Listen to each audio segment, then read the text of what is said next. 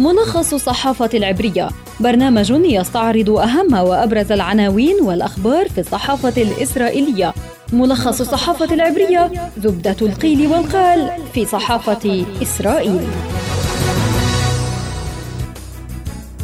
تحياتي لكم مستمعينا إليكم ملخص الصحافة العبرية يعده ويقدمه لكم عبر شبكة أجيال الإذاعية خلدون البرغوثي. وإليكم أبرز العناوين التي جاءت في وسائل الإعلام العبرية صباح اليوم.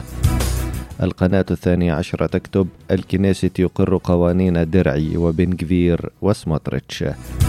هآرتس تعنون سيدتان هما القادرتان على وقف درعي ونيتنياهو وعليهما فعل ذلك عند تجاوز الخط الأحمر. وفيها أرتس أيضا هذه حكومة غير شرعية ونيتنياهو لا يبحث إلا عن الخلاص من المحاكمة. في القناة الثالثة عشرة. من تفاصيل اتفاق نتنياهو مع الحريديم زيادة المخصصات المالية للمدارس الدينية وفصل بين الجنسين في الصفوف حتى مستوى طلبة الماجستير. موقع والله يكتب من بنود الاتفاقات بين الليكود مع الحريديم إقرار قانون أساس لتعليم التوراة إغلاق معهد أبو كبير للطب الشرعي يوم السبت والإبقاء على الوضع القائم في حائط البراق.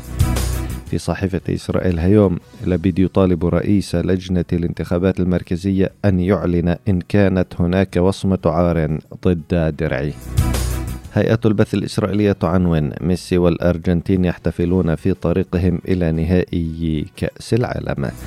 كذلك تخصص يدعوت أحرنوت عنوانها الرئيسي لميسي وتكتب سيكسر أرقاما قياسية ويسعى لكأس العالم ميسي والأرجنتين إلى نهائي المونديال وتعرض الصحيفة عدة صور لأعضاء كنيسة بينهم نتنياهو وهم يشاهدون مباراة الأرجنتين وكرواتيا على هواتفهم خلال التصويت على قوانين سموتريتش وبنغفير ودرعي.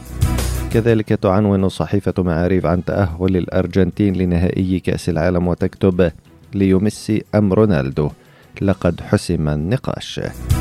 أقر الكنيست الليلة الماضية رزمة قوانين لضمان تشكيل حكومة بنيامين نتنياهو المقبلة وأطلق على هذه القوانين أسماء من تتعلق بهما.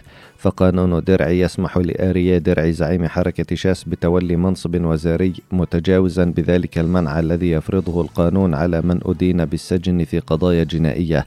وقانون سموتريتش يمنح زعيم الصهيونية الدينية صلاحيات السيطرة على الإدارة المدنية والمنسقة وينزعها من وزير جيش الاحتلال.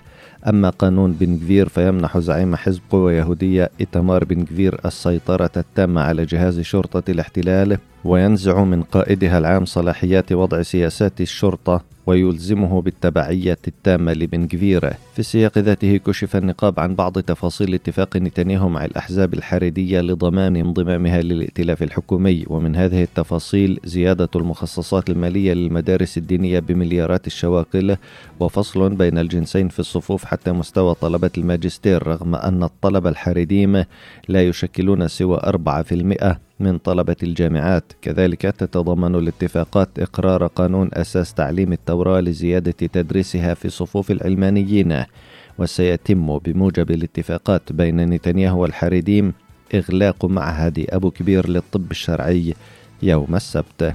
صحيفة إسرائيل اليوم نقلت عن رئيس الحكومة المنصرفة يائير لبيد مطالبته رئيس لجنة الانتخابات المركزية الإسرائيلية الإعلان إن كانت وصمة العار تلحق بأريا درعي أم لا. وإذا رأى رئيس لجنة الانتخابات المركزية ذلك لوجود إدانة لدرعي في قضايا جنائية فقد يعطل هذا الأمر تعيين درعي في منصب وزيره فيما طالب كاتب في صحيفة هآرتس رئيسة المحكمة العليا إستر حيوت والمستشارة القضائية للحكومة الإسرائيلية جالي بهراف ميارا طالبهما بالتدخل لوقف تجاوز الحكومة الإسرائيلية الخطوط الحمراء فيما يتعلق بتعيين مدان في ثلاث قضايا جنائية هو أريا درعي وزيرا في حكومة نتنياهو.